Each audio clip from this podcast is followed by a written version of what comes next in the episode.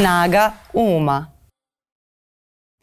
Dobar dan, dragi ljudi, dobrodošli u podcast Snaga Uma. Ja sam Miljana. Mi ovde iz ponedljaka u ponedljak nastojimo da vodimo neke razgovore kroz koje ćemo učiti jedni od drugih, ali i da vam pravimo društvo.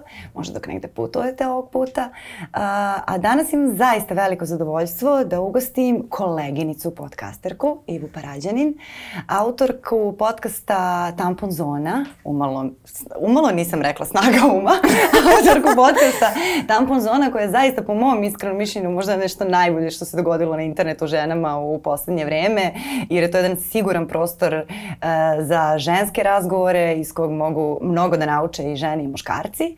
Uh, I kako Iva ima vrlo bogatno i radno iskustvo uh, i iskustvo u medijima, voljela bih sa njom upravo da razgovaram o tom poslovnom osamostaljivanju, o snaživanju i o tom putu koji ona morala da pređe da, bih, da bi danas radila stvari onako kako ona hoće i ispostavilo se kako mnogi hoće i kako se mnogima sviđa. Iva, dobro mi došla. E, hvala ti puno, e, hvala ti puno na ovoj najavi. Jako mi je čudno jer ja isto koristim uh, ovaj obrazac da se sagovornicama na početku razgovora zahvalim i da ih nataram da pocrvene, da im bude onako neprijatno jer su uradile neke divne stvari.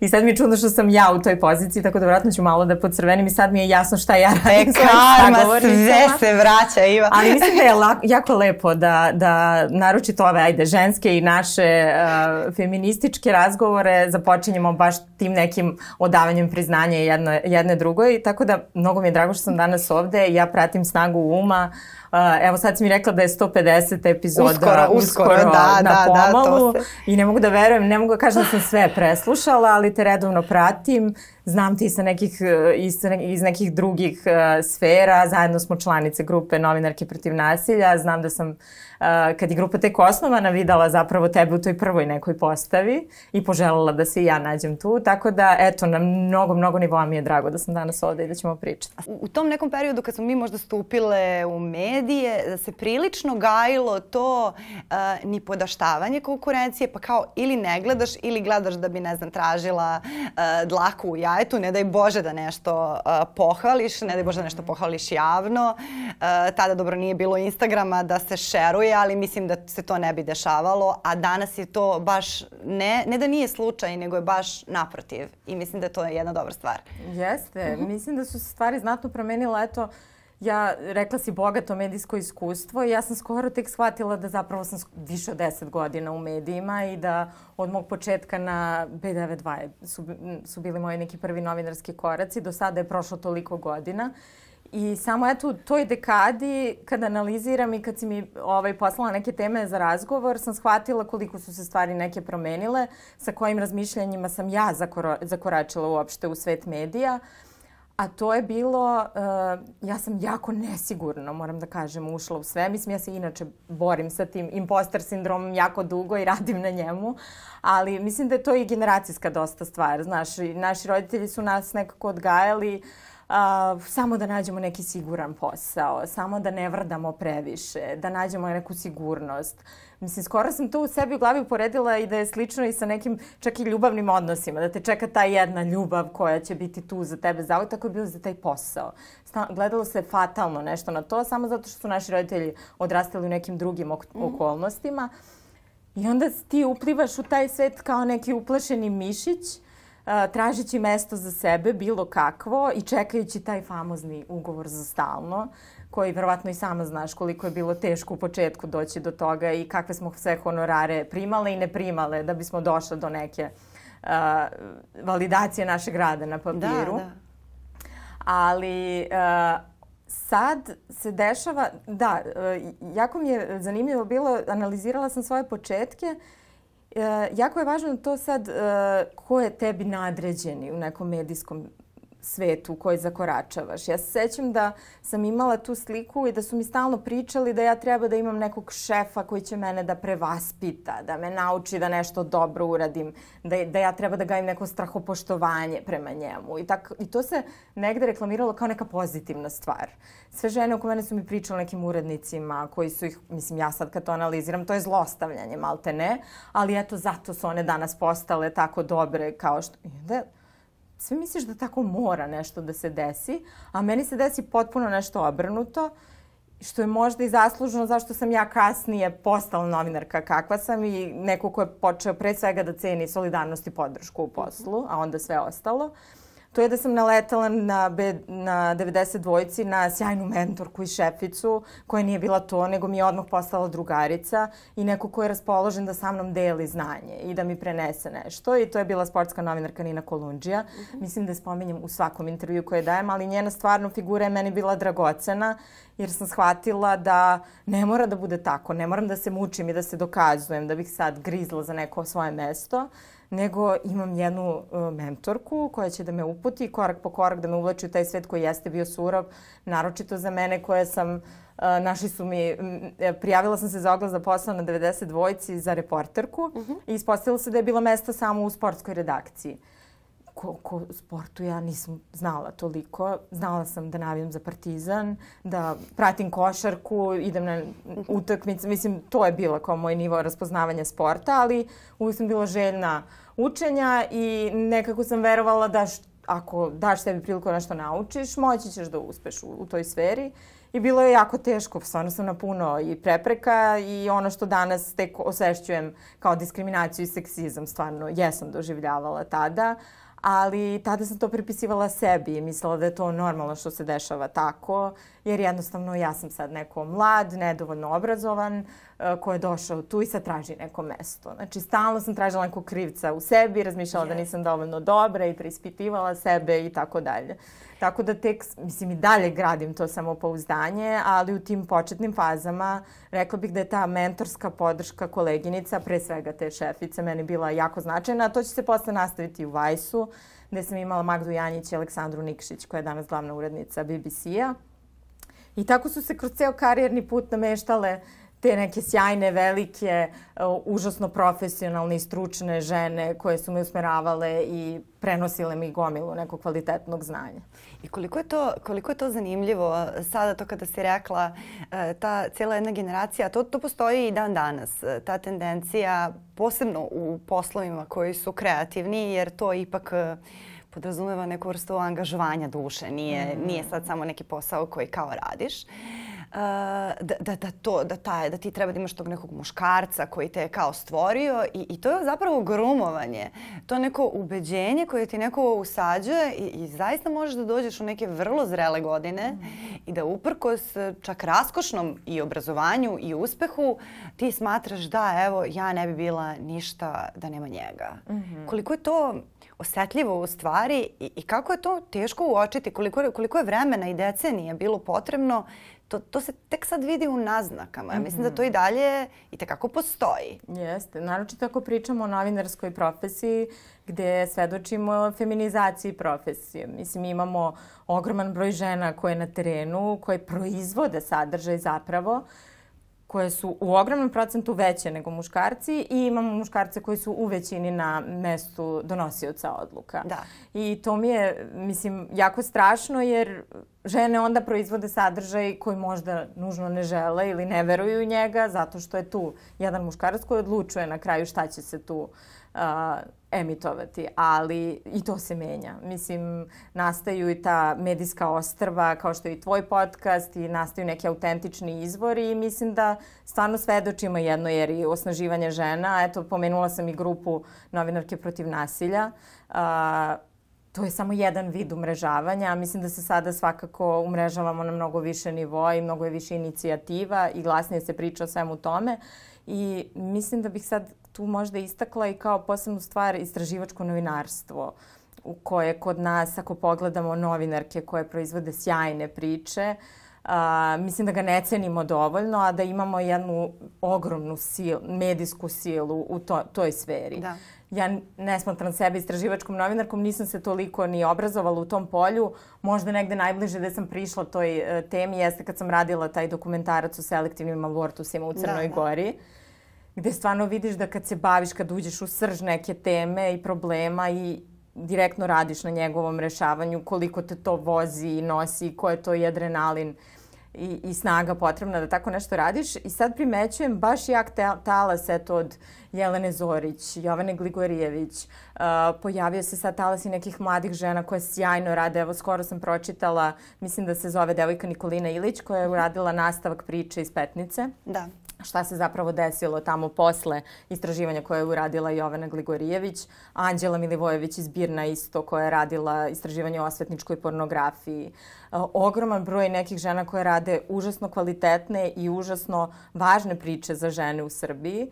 Uh, Ivana Mastilović-Jasnić, isto da. moram i nju da pomenem. Uh, kad kreneš da nabraviš, stvarno vidiš da imamo ogromnu vojsku žena koje rade direktno na rešavanju nekih jako važnih problema ali e, i to jeste ogromna stvar, ali ono što sad mene nervira jeste što te priče samo dođu, eksplodiraju, svim šerujemo, e, svim verujemo, podržimo ih, ali eto samo ja sam sebi dala zadatak u poslednje vreme da moram da se istreniram, da, da postavim sebi taj korak šta je bilo posle par meseci sa tim i vidjet ćemo da, iako su one uradile ogroman posao i iznale uh, neki problem na, vid, na videlo koji značajno utiče na kvalitete života žena, opet se s tim sledeći taj korak u institucijama nije, nije, nije desio. I postoje jedno super istraživanje, uh, radio je CINS, vezan baš za položaj istraživačkih novinarki u Srbiji. Da. Uh, ne mogu sad tačno se setim naziva, ali znam da je sugerirao na to da moraš da budeš super žena. I on govori zapravo o tom, tome sa kojim se sve problemima istraživačke novinarke susreću. I ono što je najzanimljivije što mislim da važi za sve novinarke koliko moraš više da se dokazuješ da bi nešto ostvario. I ti želiš i veruješ u sebe i znaš da si ta jaka žena, ali to je ogroman mentalni teret, ogrom, ogromna snaga koju moraš da uložiš da bi se ti dokazala da bi ti neko poverio neki ozbiljan zadatak. I to mi je baš onako porazno. Prvo ti treba ogromna snaga kada stupiš na tržište rada mm. da bi se koliko toliko izborila za to da se osjećaš bezbedno, pod uslovom da uspeš i pod uslovom da ne znam uh, si u porodici dobila neki kakav takav know-how kako da, kako da to uradiš, kako da to ti kada uđeš u redakciju a imaš ne znam 18 ili 20 godina da se ne osjećaš bukvalno kao ako hodajuće parče mesa koje ide kroz savanu i okruženo je zverima. To je, mislim, ja koliko se sećam, to je bukvalno tako. To ne znači naravno da su ti sve kolege takve, ali moguće da smo stvarno mi bili ta generacija generacija X je imala malo taj moment ne možeš da sediš sa nama. Prema mladim ljudima u smislu da su te kao osuđivali zbog toga što ti sada ne znaš ono što, što nemaš ploče koje oni imaju i te neke, i te neke stvari. I onda se sve to tako nekako kupilo. I, i, dakle, tebi samo treba ogromna snaga prvo da, da dođeš na, na bilo kakvu poziciju da uopšte možeš da razmišljaš o poslu. Mm. Da se ti obezbediš. I jesi imala taj, taj osjećaj uh, u, u situacijama, sad bilo da su poslovne ili, ili, ili neke druge slične? E, pa da, mislim, e, ali meni je jako strašno što u tom trenutku datom ja nisam to osvešćivala šta da, je, šta da. se de, što, kroz šta prolazim i šta se dešava. Ali znači mi što sad analiziram i mhm. seciram mm. sve te trenutke i pokušavam da vidim šta je tu bilo, šta je stvarno bilo do mene, a šta nije. Uh, ali mislim da uh, sad ja tu najviše, uh, jako je zanimljiv naš položaj milenijalki jer smo s jedne strane da. vezane za tu jednu praksu, a meni se u dru drugoj polovini te dekade, ajde, medijskog rada, desilo da sam dosta radila sa mladim, mladim ljudima, mhm. mlađim uh -huh. od sebe, gde sam nailazila na jednu potpuno drugačiji odnos prema poslovnoj etici. I moram da kažem da sam mnogo naučila od njih, jer da. stvarno, ajde sad, ne, vo, ne volim da generalizujem i da pričam sad, jo, njih ništa ne zanima, dženzi su ovakvi, onakvi, lenji, ali ja sam pregovaranje za veću platu naučila od njih. Znači, meni je trebalo, um, mislim, dve godine da ja osmislim svoj govor, kako ću da izađem, da tražim svoje povećanje, da ja ubedim sebe da sam ja to zaslužila, pa da, ne znam, izvežbam ispred ogledala pet sati kako da to predstavim i da prvo ubedim sebe. Onda sam od njih videla kako to ide lagano zapravo i sa mnogo ve, veće, nek, većim, većom dozom vere u sebe. Uh mhm. -huh. I to mi je bilo užasno inspirativno i moram da kažem da su, da su mi te mlade kolege ono, zaslužen za preokret jedan u poslovne, koji ja imam prema poslu i poslovne etici i tome ko sam, šta sam i kako treba da se postavim na radnom mestu.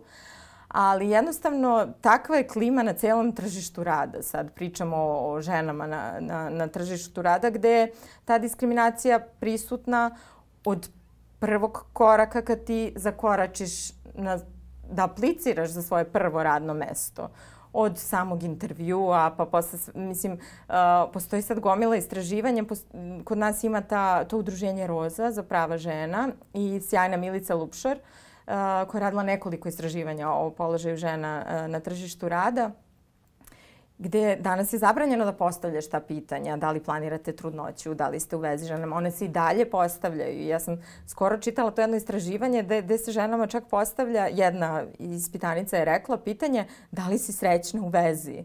Jer ako si isfrustrirana žena koja nije zadovoljna svojom vezom, nisi podobna za ovaj posao.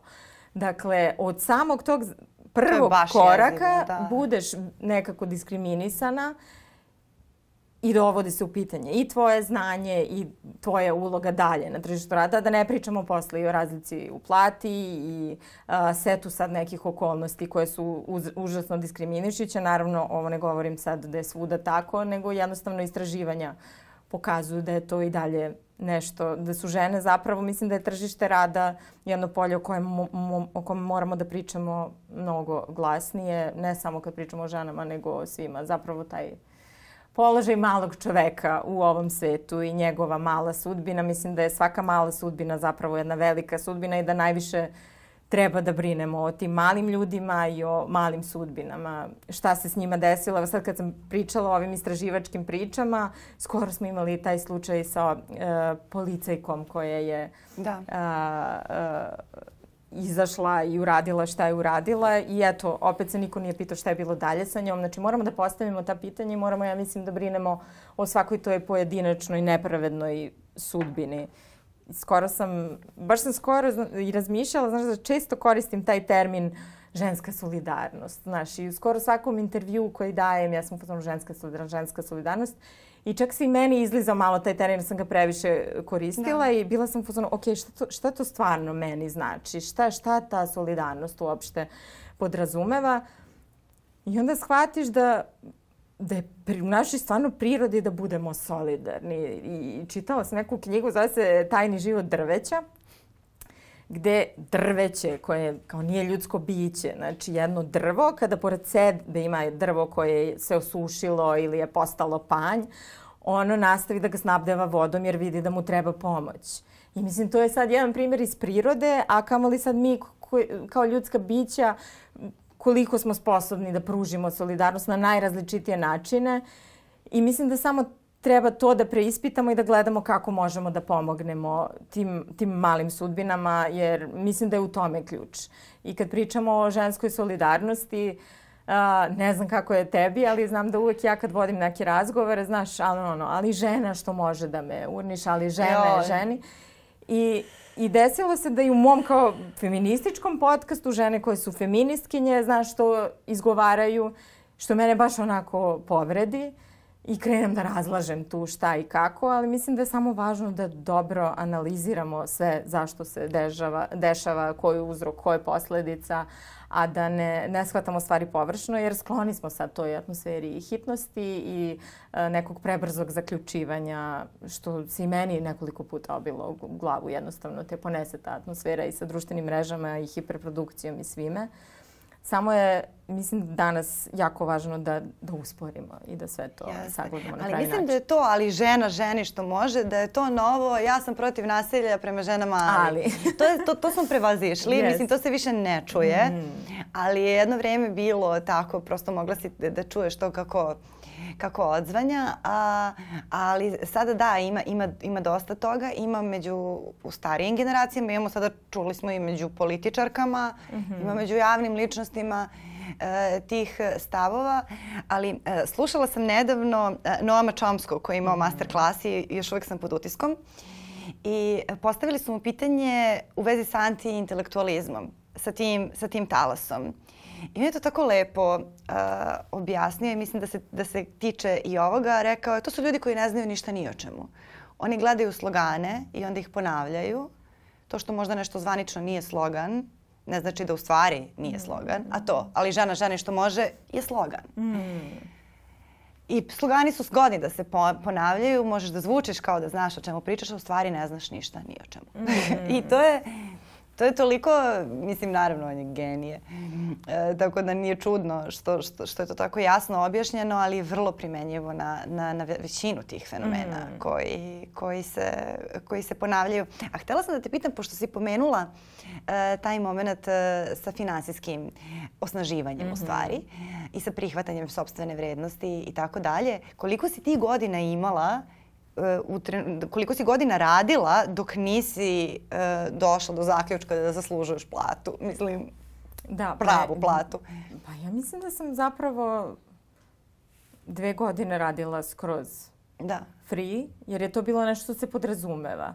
I drago mi je da ta, taj uh, moment neplaćene prakse čini mi se da malo uh mhm. -huh. izumire i znanje jeste važno i važan je volonterizam. Ja sam isto volontirala u različitim nekim organizacijama i to je nešto užasno vredno, ali rad mora da se naplati nečiji i trud. I onda tad toga nisam bila svesna i nisam znala da tražim nešto svoje i onda je bilo to. Dve godine radim za džabe, posle dobi, dobiješ smotuljak para koji ne znaš ni koliko je, nego koliko ti daju, eto. I kad će da ti daju. I kad će da ti daju i to je sve bilo nešto i misliš da je to normalno i onda sam zapravo ja shvatila da, da je moj najveći zadatak, mislim to mi je dosta pomoglo i da vidim u novinarstvu čime ja želim da se bavim zapravo, uh mhm. -huh. da, da sve te obrazce koji su normi, normalizovani dovedem u pitanje, znaš, jer sve ne volim ni reč normalno, ali i moje interesovanje za ženska prava je krenulo odatle kad sam ja shvatila da ja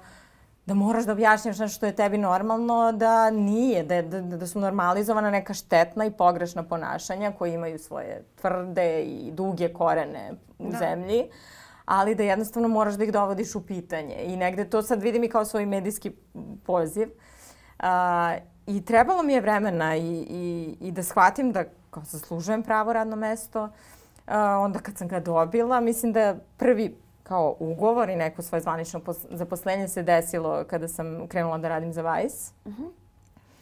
I to iskustvo mi je isto jako značilo jer sam dobila priliku da se u trenutku kad sam mlada bavim problemima koji su mene u tom trenutku interesovali. Što sad vidim da uh, manjka za, zaista sadržaja za mlade i medijima, medija kojim se direktno obraćaju. Uh, to je uglavnom neka iskrivljena sad slika mladih koja je ekstremno ili negativna ili loša koja se uglavnom provlači kroz medije.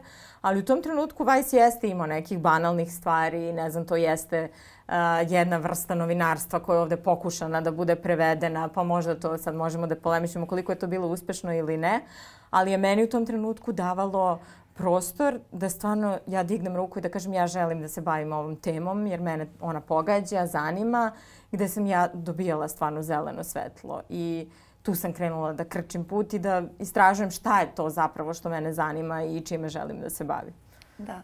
To, to je zanimljivo, zanimljivo jako, uh, to osvešćivanje novca. Ja sam recimo to zaista osvestila, zapravo osvestila sam koliko je lako tek kad sam ušla ucipela one druge strane koje mm -hmm. se mhm. obraćam. Jer ti kad si, ne znam, kad razmišljaš o tome koliko vrediš, ti si previše u svojoj glavi. Ti ne razmišljaš o tome koliko para tvoj rad nekome donosi, mm -hmm. konkretnih, realnih para. Mm -hmm. I da ne znam, ako ti mesečno doneseš firmi 20, 30, 50 hiljada evra, sada lupam, da nije normalno da radiš za 400. Mm -hmm. Uh, da prosto je to čak i smiješno, da je čak i ponižavajuće. Yes. Ove, I onda kada razmišljaš o tome, ne znam koje odluke sve te ljudi moraju da donose na dnevnom nivou da bi imali takav prihod, onda shvatiš i da te mnogo više poštuju kada tražiš mm -hmm. nego kada ne tražiš i da ti to neće uzeti za zlo. Da ljudi koji bi ti to uzeli za zlo iz ugla poslodavca su obično neki poslodavci koji su na na finansijskoj nekoj e,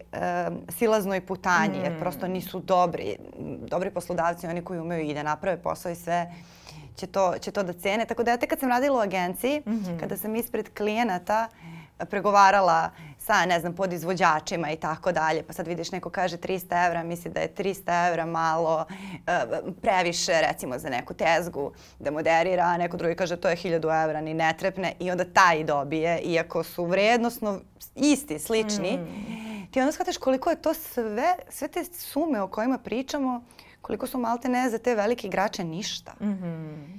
I, i, I svo to preznojavanje i sve to da je u stvari ovaj, samo e, to naše predubeđenje. Yes. I to grumovanje u stvari koje imaš i u osnovnoj školi, u srednjoj školi te grumuju da ti ćuti bude zahvalna. Jeste, jeste. I super je ovo što si rekla, jer ja mislim da moj proces čak i dalje traje. I jako je teško kad si... Uh, ono što si rekla da je tvoj negde lični, unutrašnji život jako čvrsto uvezan sa onim čime se baviš. I onda ja imam stalno to vaganje da određene stvari stvarno ne radim zbog novca, nego mene zezaju kao ne možeš da živiš od toga što propagiraš mir u svetu. Mislim, moraš da, da. da zaradiš, ali ja uvek imam to da je ovo nešto moja emisija, znaš, i još uvek sam ja tu na, na yes. nekoj vagi, što nije dobro za trenutni, vrlo trenutak u kom vodim sobstveni biznis i sobstveni mediji. I uh, jako mi je važno i dalje da imam neku osobu pored sebe koja će mi, da me trgne i da kaže, ej, moraš da živiš od nečega, ovo je tvoj posao, ti se time baviš, neko drugi zarađuje od ovoga, onoga, ovo je tvoj posao. Tako da meni i dalje tu jako teško da razgledim šta je tu moj posao, šta je moja misija, šta je moja želja i tako dalje.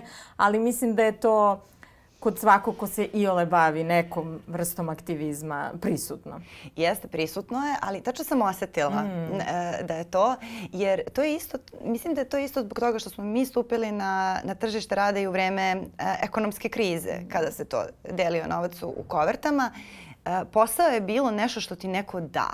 Mm. I ti si u stvari, mislim ja, kod mene je isto tako bilo. Sam toliko zaljubljena u novinarstvu da, da ja samo tražim izgovor da mogu uh, da radim na tome što me zanima. Pa sad daj mi pet dinara. Samo da ja hmm. imam mm. izgovor i neka tih pet dinara kasni pet meseci, malte ne. Jeste, jeste. I najviše se sad suočavam s tim jer sam rešila Prošla sam, eto, pomenula sam ti Vice, posle sam bila i u nekim ženskim magazinima, mm -hmm. možemo i o tome malo da pričamo, to je jako specifična tema i meni bio jako veliki izazov. Uh, ali sad kad sam sama i nekako sam se ogolila i svoje postojanje da, i više da. ne zavisim ni od koga, uh, odlična je stvar što, evo, sad, na primjer, uživam u tome što sam uspela da se okružim ljudima uh, koje volim i koji veruju mene i koji žele da je uspem. I to je jako čudno, jer u korporacijama nisam navikla da sam da iko brine tu o meni o mojoj misiji, mojim razmišljanjima, mom cilju, da mu je pretarano stalo do njega kao meni. Uh, A sad se nekako to sve skockalo da trenutno sa podcastom radim sa ljudima s kojima sam radila i u Vajsu i koji su meni prijatelji i neko kome stvarno iskreno stalo da sve to uspe. I to je jedna jako zdrava atmosfera koju mm. eto sad tek skroz proživljavam. Ali imam sad te dileme naravno i sa novcem. Kako, šta, kako da opstanem. Evo ja znam kako ću živjeti u naredna dva meseca, za treći nisam sigurna, ali opet se ovo pozitivno što se desilo sa tim pokretanjem je mnogo jače i svesna sam da ću se snaći i da ću gristi, ali potpuno imam uh, neku sad pozitivnu vožnju i motivaciju da, da to radim. Drugačija je nekako. Jer da, je ne, to, je fenomenalno. A, a kako, si, e, kako si ti rešila da napustiš korporaciju? Jer je Tampon Zona prvo, prvo bio deo jedne velike yes. medijske kuće i onda si rešila da se odvojiš. E, to je, čini mi se, jako važan trenutak u, u, u, u životu svake ličnosti koja odabere taj put, jer to je baš svesna odluka. Ja više neću biti deo korporacije, ja ću biti sama svoja firma. To je baš veliki korak. E, jeste i dalje ga preispitujem i upozorno sam da li sam normalna, ali dobro. A, pa meni se to, mislim sad vezano i sa tom pričom što sam ja želala da uđem u ženske magazine i da probam da e, tu neku svoju priču da ona nađe mesto i da se čuje dovoljno glasno i baš sam uložila i truda i znanja u sve to i radila sam u dva, tri ženska magazina i to mi je divno iskustvo, ali s druge strane a, me dovelo do zaključka da ne mogu da ispunim skroz ono što želim u tom nekom formatu. Zato što je, ne znam, rodna ravnopravnost trenutno je dobra je možda stvar što je određena vrsta trenda, što svi žele da se zakače za njega, da budu da. E, osnažujući za žene, počev od firmi do ne znam svih ostalih korp nekih velikih korporacija. Divno je što se osvešćujemo svi. Ali sa druge strane, vrlo često je to jako površno i, i, i predstavlja samo jahanje na nekom talasu sad uh, popularnosti. Dva reda se, feminizma, kao pa, kod da. živke ministarke dva reda knjiga. Meni se da, znaš, ja sam razmišljala mm. o tome kako bi super bilo da ženski magazini se stvarno bave suštinskim temama koje žene zanimaju i da ti nemam ništa protiv ni kremica ni krpica i ja prva volim da čitam i lifestyle teme i teme iz kulture i da vidim gde mogu da kupim neke cool cipele i ne znam ja šta. Mislim da to treba da postoji i da je to potpuno u redu ali htela sam da negde ja budem ta i da probam sad da infiltriram neke teme poput tema o seksualnom uznemiravanju, nasilju, da edukujemo žene o nekim naj, najsuštinskim, najbazičnim znanjima koje bi svaka od nas trebalo da ima. I to je išlo okej, okay. stvarno sam dobila prostor i bila sam zadovoljna, ali sam u jednom trenutku shvatila da prečesto dobijam komentare uh, da je nešto previše politički. Aha. I onda shvatiš, i onda sam stalno e, preispitivala i shvatila dobro, u redu je da pričamo o ženskim pravima, ali samo do jedne razine i do jednog nivoa da pričamo o tome da li su dlake ok, da li su Uh, šta se dešava u Iranu, sve nešto što nije konkretno vezano za rešavanje nekog problema. Što Iran nije politička tema. Iran to je... jeste, ali to ovde nas ne, znaš, da, ok da. da pričamo o pa nečemu to... tamo daleko kako nije dobro što se dešava, ali Kao, kad ne pričamo o nečemu se nikom ovde, ovde da, da, to je na najnižem ono mogućem nivou. I onda skrenula sam da dobijam te opaske i komentare, da ne sam da pominjem sistem, iako sam ja uvek shvatala da je ženska borba politička borba. Dakle, mm. da ti ne možeš da pričaš o seksualnom uznemiravanju i nasilju, a da ne pričamo o broju femicida koji se dogodio i reagovanju na iste. Da ne možemo da pričamo o, položaju ženi nasilju u, u, u porodilištima, a da ne pričamo o tome kakav nam je zdravstveni sistem. Znači, to jedno bez drugog ne može. Jednostavno, a, ženska borba je jednako politička borba i mi moramo da nudimo a, načine kako se nešto rešava, da pričamo eksplicitno o detaljima, na koji način, gde su greške, gde su rupe i tako dalje. I mislim da je to jednostavno bilo previše za te magazine i uh, gubili su jednostavno sluha. I ja razumem. Mislim, možda nije. Posle sam se, mislim, neću sebe da poredim s Glorijom Steinem, ali znam da je ona kad je pokretala mis, da isto bila u fazonu želi da ima feministički glosi magazin u kom će u jednom lepom pakovanju da priča o temama koje su važne i taj magazin je početkom 70-ih bio uh, naišao na, na ogromnu publiku, ne znam, 3 miliona ljudi ga je kupovalo i pričalo se o tome, ali opet nije imalo neki dug vek postojanja, zato što nije moglo da nađe komercijalne klijente koji bi zadovoljili sad da se feministička misao slaže sa njihovim politikama i tako dalje. Tako da možda stvarno nije moguće da imamo ženski magazin koji se bavi ženskim pravima na pravi način. Ali probala sam. probala sam i shvatila da, da, da radim nešto, ali da se osjećam kao kao da vičem i samo te odjednom neko mutira. Kao da ne ručna. mogu do kraja da, da izvičem to što želim, ni da raširim krila, ni da ispričam tu neku svoju priču do kraja. I shvatila sam da se zbog toga osjećam loše. Osjećala sam se kao da mm. Nekako i da varam i sebe, zato što ne govorim o temi o kojoj želim temeljno, na način na koji želim, ne adresiram prave krivce i rešenja. I dešavalo se, nisam imala previše upliva cenzure, ali skretana mi je pažnja i onako, znaš, e, pa ne moraš baš ovo ovako glasno, ne moraš da baš da pominješ sistem, ne možeš ovo, ne možeš ono. I onda shvatiš da tvoj sadržaj zapravo uh, da ga amputiraju, da, da to nije krajnji proizvod koji ti želiš da prikažeš publici i problem na koji ti želiš da ukažeš na, na pravi način. I moram da kažem da su ljudi oko mene više verovali u moj podcast nego ja. Ja sam bila u fazonu, ne znam da li je pravi trenutak, ko će to da gleda, da, dobro, da. ja imam 20 drugarica koje će dalje ko da... će da gleda feministički, ko to nije tema uopšte, niko ne priča o tome, Kako samo ja cela sama, planeta. Bla, bla, bla. Ali ispostavilo se, dala sam sebi rok od šest meseci, ajde da probamo, mm. imam šest meseci, hajde da vidimo u šta će to preraste i koji oblik će da zadobije i malo sam i ja sa temama, malo sam probala da proširim teme, uh -huh. jer mislim i sama znaš, ako cupkamo u mestu nas deset i tapšemo se po ramenu, radimo neke dobre stvari koje mogu tu između nas da se rode, da, da. ali glavna misija je valjda proširiti tu misao i zaraziti što više ljudi oko sebe. I onda sam krenula, postoje brojne teme koje možda mnogima od nas, često imam to preispitivanje da je nešto opšte mesto, a onda shvatiš da nešto što je tebi možda opšte mesto, da, da, da. da je neko aha moment, da je da, neko da. nešto spoznao.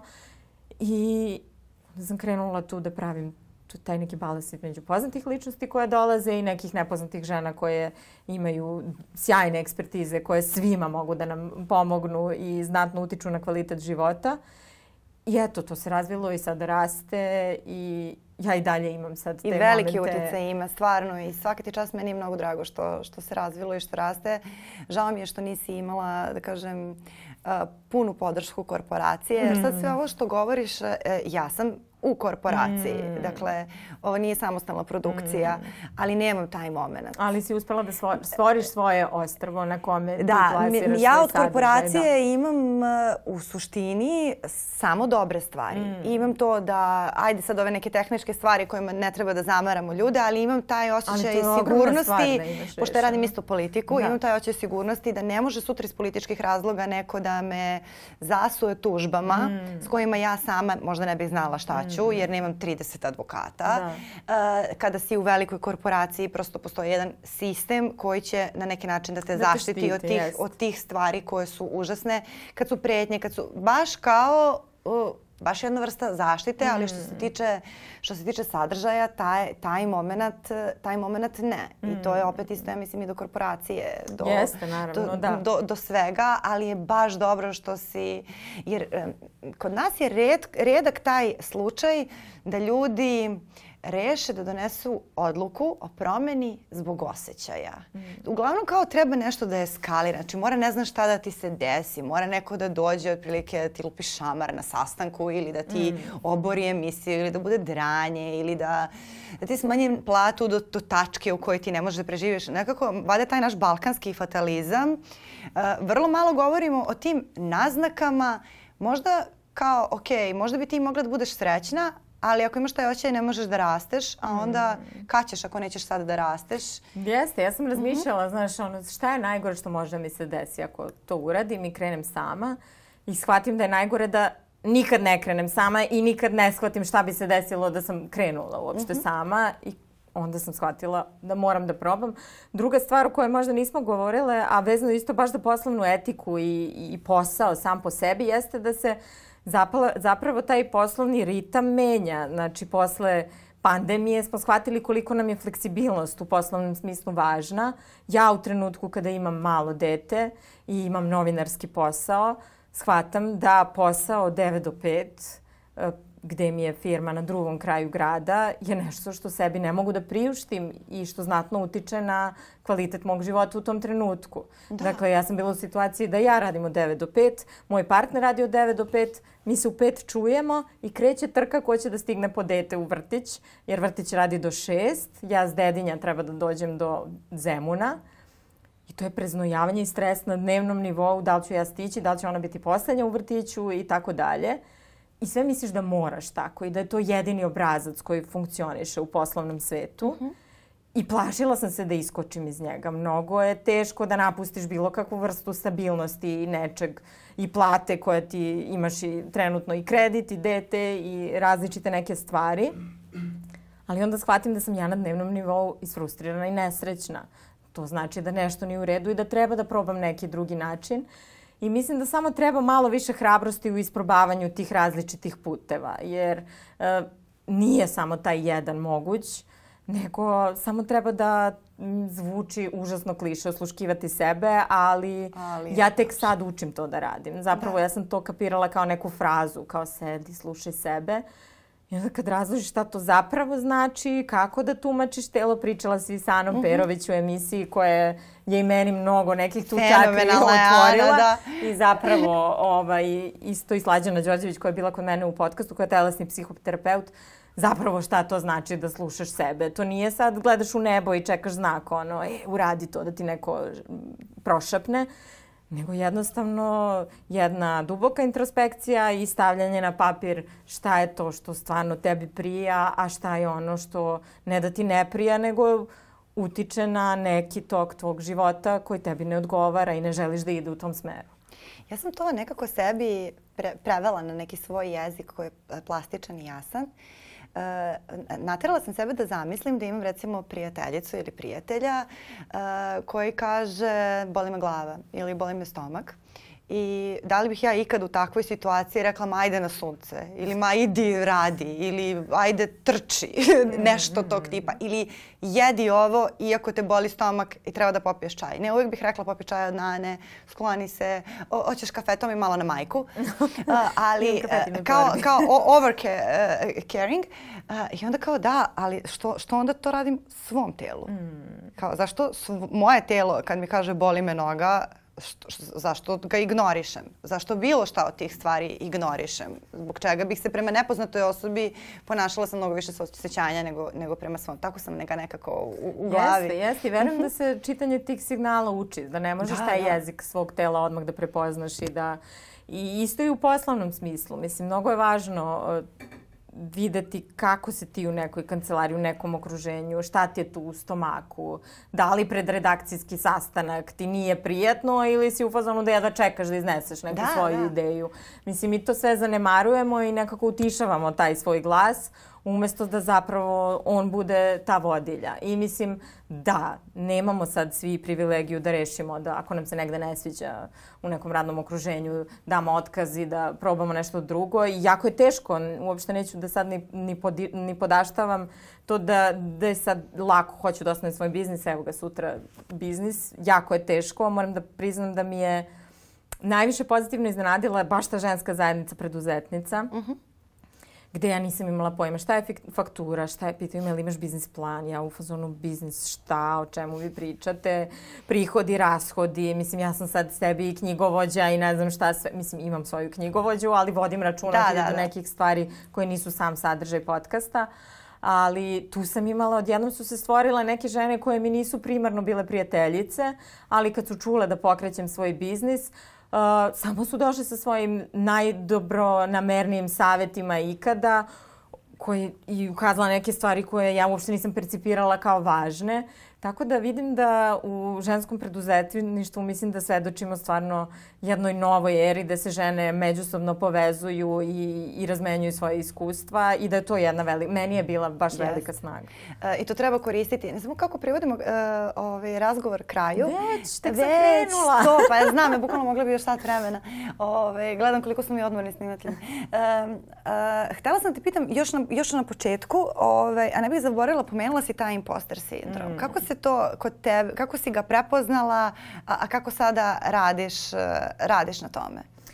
Uh, pa ja sam shvatila da ja zapravo za sve što se loše desi nekako krivim sebe i krenem, krećem da analiziram šta sam ja mogla bolje da uradim, ali to otišlo u ekstrem, baš. Da je svaka loša situacija ili nešto loše, uvek sam sama sebi bila krivac, uvek ja nisam nešto dovoljno uh, dobro uradila, ali sad kad, kako sam krenula da se bavim javnim poslom, to je još izraženije, jer si ti potpuno go otvoren pred ogromnom publikom koja ti kao i ostavlja komentare. Malo pre si rekla siguran prostor i baš sam razmišljala o tome kako ja jesam reklamirala taj siguran prostor za žene i navodno ga stvorila, ali kako je krenula emisija ja shvatim da on jeste siguran u smislu da ja dajem njima reč da one mogu da razgovaraju otvoreno o čemu god žele, ali ja njih ne štitim od komentara koji posle toga da. uslede.